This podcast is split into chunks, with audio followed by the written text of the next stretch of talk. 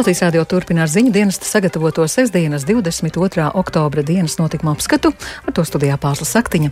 Vispirms īsi ieskats redzījuma tematos. Krievija pastiprināti apšauda Ukrainas enerģētikas infrastruktūru. Vides aktīvisti iebilst pret auto stāvvietu Kronvalda parkā. Un noskaidrosim, kā veids futbolistiem Latvijas čempionātā un Latvijas hokeja komandām Igaunijas un Somijas turnīros. Krievijas gaisa triecienu dēļ visā Ukrainā izsludināta gaisa trauksme un uzbrukumu. Galvenais mērķis ir enerģētikas infrastruktūra. Daudziet Ukrainā ieviesti elektrības taupīšanas pasākumi un tiek veikti kontrolēti atslēgumi elektrības jaudu sabalansēšanai. Kopš 10. oktobra Krievija pastiprināti cenšas iznīcināt Ukrainas enerģētikas infrastruktūru, radot pēc iespējas lielākas ciešanas civiliedzīvotājiem, kas tiek atstāti bez elektrības, ūdens un siltuma. Plašāk stāsta Rihards Plūme. Sestdienas laikā visā Ukrainas teritorijā vairāk kārt bija izsludināta gaisa trauksme. Odesas apgabalā Krievijas raķešu triecienā sestdien nopūstīts viens no elektroapgādes objektiem, kas nodrošināja elektrību Odesas rajonā. Mikolājevas apgabalā okupanti trāpījuši diviem kritiskās infrastruktūras objektiem, bet vēl vienam Kirovohrādes apgabalā. Arī galvaspilsētā Kīvā bija dzirdami sprādzieni, Krievijas karaspēkam trešo reizi diennakts laikā apšaudot Kīvas apgabalu. Triecienu dēļ gandrīz pusotra miljonam abonentu septiņos apgabalos tika atslēgta strāva. Ukrainas Nacionālais energooperators Sektors Ukrenergo ir izveidojis 70 remontu brigādes ar aptuveni tūkstošu speciālistiem.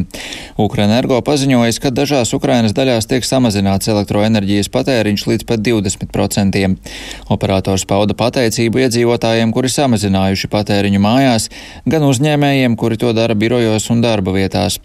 Neatkarīgi no tā, energooperators uzsvēra, ka reģionos, kur infrastruktūra cietusi visvairāk, ar šiem pasākumiem vien nepietiek un ir jāizmanto arī piespiedu ierobežojumi ierobežojumi. Enerģijas ierobežojumi piespiedu kārtā piemēroti arī galvaspilsētā Kievā un tās apkārtnē. Bieži vien triecienos energoinfrastruktūrai vainojami Krievijai piegādātie Irānas droni pašnāvnieki. Irāna un Krievija gan noliedz, ka tādi tiktu izmantoti karā Ukrainā. Rietumvalstis mudinājušas ANO izmeklēt Irānas dronu izmantošanu Ukrainā, bet Eiropas Savienība un Lielbritānija šonadēļ noteica Teherānai jaunas sankcijas. Irāna šodien brīdināja Eiropas valstis, ka tās īsteno provokatīvu pieeju, kas ir daļa no mērķtiecīga politiskā scenārija. Turpinoties karadarbībai Ukrainā, Ukrainas armijas ģenerālis ģenerālštāps norādījis, ka aizvadītās dienas laikā iznīcinātas aptuveni 53 dažādas ienaidnieka tehnikas vienības un 320 iebrucēji. Krievijas karaspēka dzīvā spēka zaudējumi Ukrainā pārsnieguši 67 tūkstošus karavīru. Ostrīl! Ukrainas prezidents Valdemirs Zelenskis atzinis, ka Ukrainas austrumos un dienvidos aktīva kara darbība turpinās un Ukrainas bruņotie spēki saglabā iniciatīvu. Ja хочу сьогодні відзначити бійців 25-ї окремої повітряно-десантної бригади за Šodien vēlos izteikt atzinību 25. desantnieku brigādes kaujiniekiem par prasmīgo un pārdomāto rīcību ienaidnieku iznīcināšanā austrumu virzienā. Esmu pateicīgs arī 60. kājinieku brigādes karotājiem, kuru vienības Helsonas apgabalā uzrāda labus rezultātus. Kā norāda Ukrainas armijas ģenerālštāps, ievērojama daļa iedzīvotāju pametuši Hersonu. Savukārt pilsētā palikušie Krievu iebrucēji pārģērbjas civilajās drēbēs, ievācas pamestajās telpās un ienaidnieks gatavo Hersonu ielu kaujām. Maskavas ielikteņi Hersonas apgabalā šodien atkal mudināja Hersonas iedzīvotājus nekavējoties pamest pilsētu. Tas tika pamatots ar saspringto situāciju frontē, pieaugošajām pilsētas masveida apšaudes briesmām un uzbrukumu draudiem. Iepriekš izskanējis, ka Krievu okupanti Ukrainas dienvidos ir mīnējuši Kahovkas hidroelektrostacijas agregātus un aizsprostu, gatavojot jaunu teroraktu. Hersonas pilsētas militārās administrācijas vadītāja Gajina Lugovaja šodien norādīja, ka Hesas sabrukšanas gadījumā katastrofālā apkārtnes aplūšana sāksies pēc divām stundām.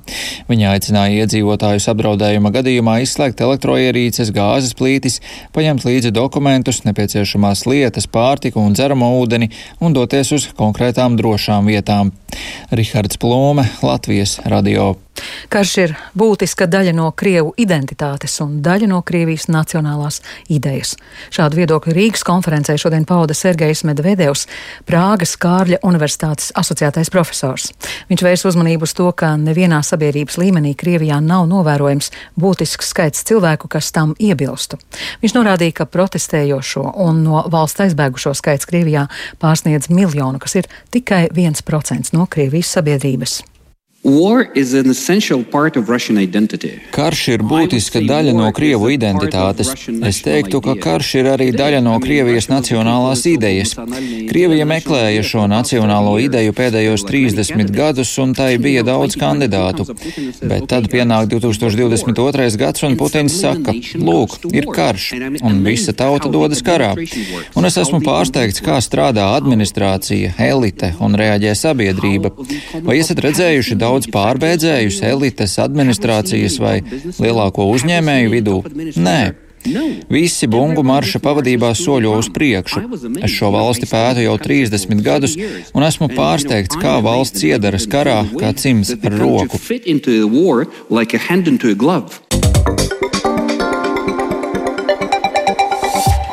Rīgā pilsētas aktīvisti sākuši asu kampaņu pret Kronvalda parkā iekārtoto Rīgas brīvostas pārvaldes darbinieku automašīnu stāvvietu, kas atrodas gājēju celiņa malā. Uz to ātri reaģējusi pašvaldība, atzīstot, ka stāvvieta ir jālikvidē. Kā pārvalde rīkosies un ko par mašīnām parka vidū saka parka apmeklētāji Viktor Demīdeva reportāžā. Vēsturiskajā Kronvalda parkā no Elizabetes ielas puses pa ierīkotu ceļu pārvietojas ne tikai gājēji, bet arī automašīnas. Ar Rīgas brīvostas pārvaldes atļauju tās nogriežas virzienā uz Pasaules tirdzniecības centru un tālāk rindā tiek novietotas ceļa malā pie brīvostas pārvaldes. Vairākas mašīnas šķērso arī ceļu, pa kuru pārvietojas daudz bērnu. Dodos noskaidrot, ko par stāvvietu parkā saka atpūtnieki.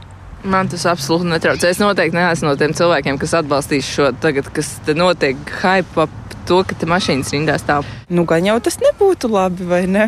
Jo tikko arī mēs redzējām, tā sieviete iet un viņa nemaz neredz, ka tā mašīna tur brauc. Nu, gan jau likvidēt, lai parkā nav. Должен быть определенный знак, что уступать дорогу пешеходам. Ir jābūt attiecīgai ceļa zīmei, ka jādod ceļš gājējiem, un lai mašīnas tāpat liek. Ko darīt? Parkuются так же, ну, а что делать? Nav tā, ka viņas vajag traucēt. Man. Skatītos, kāda vispār ir kopumā tā pilsētas attīstības stratēģija, ko mēs darām ar mašīnām centrā. Vai nu viņas šeit ir vai nav. Nav īsti tādas skaidras vīzijas. Tad savukārt jādomā, kā sakārtot sabiedrisko transportu, kas man liekas, mums nav diezko labā stāvoklī. Tad tas, ka tās mašīnas stāv šeit, ir tāds seks tam visam. Stāvvietai kategoriski iebilst pilsētas aktīvisti, kuri sociālajās platformās sacēluši lielu vētru, norādot, ka parks ir UNESCO aizsardzībā, turpina Rīgas centra attīstības biedrības pārstāvis Ilmārs Millers. Problēma mēs tā aktualizējām e, vasaras sākumā, kad pamanījām jaunas ceļzīmes, kas e, it kā legalizēja šo automašīnu novietošanu, kur jau ilgstoši pat Rīgas doma mums bija aprakstījusi, ka autostāvvietas parkā ir nelegāls. Ja? Kā tas iet kopā ar, ar, nu, ar tiem politiķu deklarētajiem mērķiem, kad mēs esam par centra atvieglošanu no privāta autotransporta. Uz aktīvistu iebildumiem ātri reaģējuši Rīgas domas mājokļu un vides departamentā, kurā atzīst, ka viņiem nav informācijas, ka uzstādītā ceļazīme, kas ļauj novietot spēkratus, ir saskaņota. Tāpēc Rīgas brīvostas pārvaldei mēneša vidū esot nosūtījuši vēstuli ar lūgumu stāvvietu likvidēt. Nostāju departaments pamato ar pašvaldības noteikumiem, turpina direktora pienākumu izpildītājs Edijs Pelšs esoša parka teritorijā izvietotas autonovietnes likvidē, ja tuvējo ielu teritorijā ir publisks izmantošanas autonovietnes. Manuprāt, brīvostai tiešām apkārt šim parkam un viņu ofisam ir pietiekošajā daudzumā pieejams stāvvietas Visas ceļa zīmes ir saskaņotas ar nepieciešamajām eh, ar iestādēm, kas par to atbild. Tā skaidro Rīgas brīvostas pārvaldes vadītājs un domas deputāts Viesturs Zeps no Latvijas attīstībai, norādot, ka viņš nereizi nav manījis, ka spēkrati gājējiem traucētu. Vienlaikus viņš norāda, ka risinājums ir. Eh, no ostas puses šobrīd mums notiek remonts mūsu, mūsu apakšzemes un virszemes stāvvietā. Nu, tajā brīdī, kad noslēgsies tas remonts, tam vajadzētu būt nu, tuvāko nedēļu laikā. Domā domāsim, kā šo ceļu atbrīvot no mašīnām pēc darba laika un pēc uh, un brīvdienās. Savukārt Rīgas centra attīstības biedrībā uzskata, ka problēmu pilnībā tas neatrisinās, jo spēkrati tik un tā atradīsies parkā. Viktors Demidovs, Latvijas radio. Tagad par sportu. Latvijas futbola čempionātā šodien norisinājās divas spēles, bet Rīgā un Jālgavā Latvijas hokeja komandas spēlē citu valstu turnīros. Un skaidrību par visu viesīs tūlīt Lotārs Zariņš, ar kuru esam sazinājušies. Sveiks, Lotār! Kas tad bija šīs hokeja spēles citu valstu turnīros? Jā, sveiki pārslu un sveiki klausītāji. Jā, savādi skan, bet Igaunijas hokeja līgas čempionāta spēlē tikās divas Latvijas komandas - hokeja skola Rīga un Kurbats. Pārliecinoši uzvaru ar 5-0 cīnīja Kurbats hokeisti. Divus vārdus uzvarētāji rindās guva Mārtiņš Vītoliņš un klausamies viņa komentāru pēc spēles. Nu, nevar teikt, ka viegli viņa bija. Ja? Nu, tomēr jaunieši zina, viņi katru dienu tur trenējas tā Rīgā. Ja? Nu, skrien jau viņi varbūt bija šī mēs tā kā uz pieredzi paņēmām vairāk. Sākumā pats redzēja, pirmie divi periodi bija kā bija, un tad nu, salūza nedaudz viņi. Šogad varbūt ir dēļ tā, ka nav to Krievu, varbūt bišķi zemāks tas līmenis. Ja? Jo pagājušajā gadā nu, līmenis, nu, neviens negaidīja tādu līmeni. Ja? Nu, šogad ir viņi ar vietējiem spēlē, nu, labi, mums arī šogad tā komanda ir krietni spēcīgāka. Ja? Un, nu, pagaidām ejam nu, skaisti skaisti. Cerēsim, ka tā arī būs. Ar diviem vārtiem uh, kurbats rindās izcēlās arī Dāvids Līvšķits. Savukārt, uh, mazliet vairāk nekā pirms stundas Jālgavā sākās Mēstis līgas mačs starp uh, Zemgala un Hermes komandu, un otrā perioda vidū ar 1-0 vadībā ir Somu komanda Hermes. Lotāra, un kas tad vēl šodien ir aktuāls sportā? Nu, Latvijas futbola virslīgā norisinājās divas spēles. Rīga FC viesu statusā Skonto stadionā ar 2-0 apspēlē meta futbolistus, kuri cīnās par neizkrišanu no virslīgas. Mača rezultātu tikai 70. minūtē atklāja Hrvoje Babets, savukārt kompensācijas laikā precīzi bija Douglas Aurelio. Citā mačā Daugopils spēlēja neizšķirti 1-1 ar Spartaks komandu. Tikmēr regbija klubs Livonijas šauļos zaudēja Baltijas toplīgas finālā. Ar 20 pret 38 Latvijas komandā atzina mainieku vairas kalvis jupoju pārākumu. Izšķirīgo pārsvaru lietuvieši panāca 72. minūtē, izmantojot viesu kļūdu, un viņa aizskrēja līdz ieskaits laukumam, bet eh, Livonija finālā spēlēja pirmo reizi klubu vēsturē. Savukārt gaidāmajā naktī Nacionālajā basketbola asociācijā vēl bez Dāvija Bērtāna otro spēles sezonā aizdīs Dallasas Mavericks, kas uzņems Memphisas Grizzlies komandu. Savukārt Nacionālajā hokeja līgā tiksies divas latviešu pārstāvētās komandas. Elsmers Ļikins stāsies Kolumbusas Blue Jackets vārtos duelī pret Teodoru Bļugeru Pitsburgas Pingvīns. Ties gan laukumā šoreiz izpaliks bez latviešu dueļa, jo Bļugers vēl joprojām dziedē savainojumu. Paldies par jaunāko sportā stāstīja Lotārs Zariņš.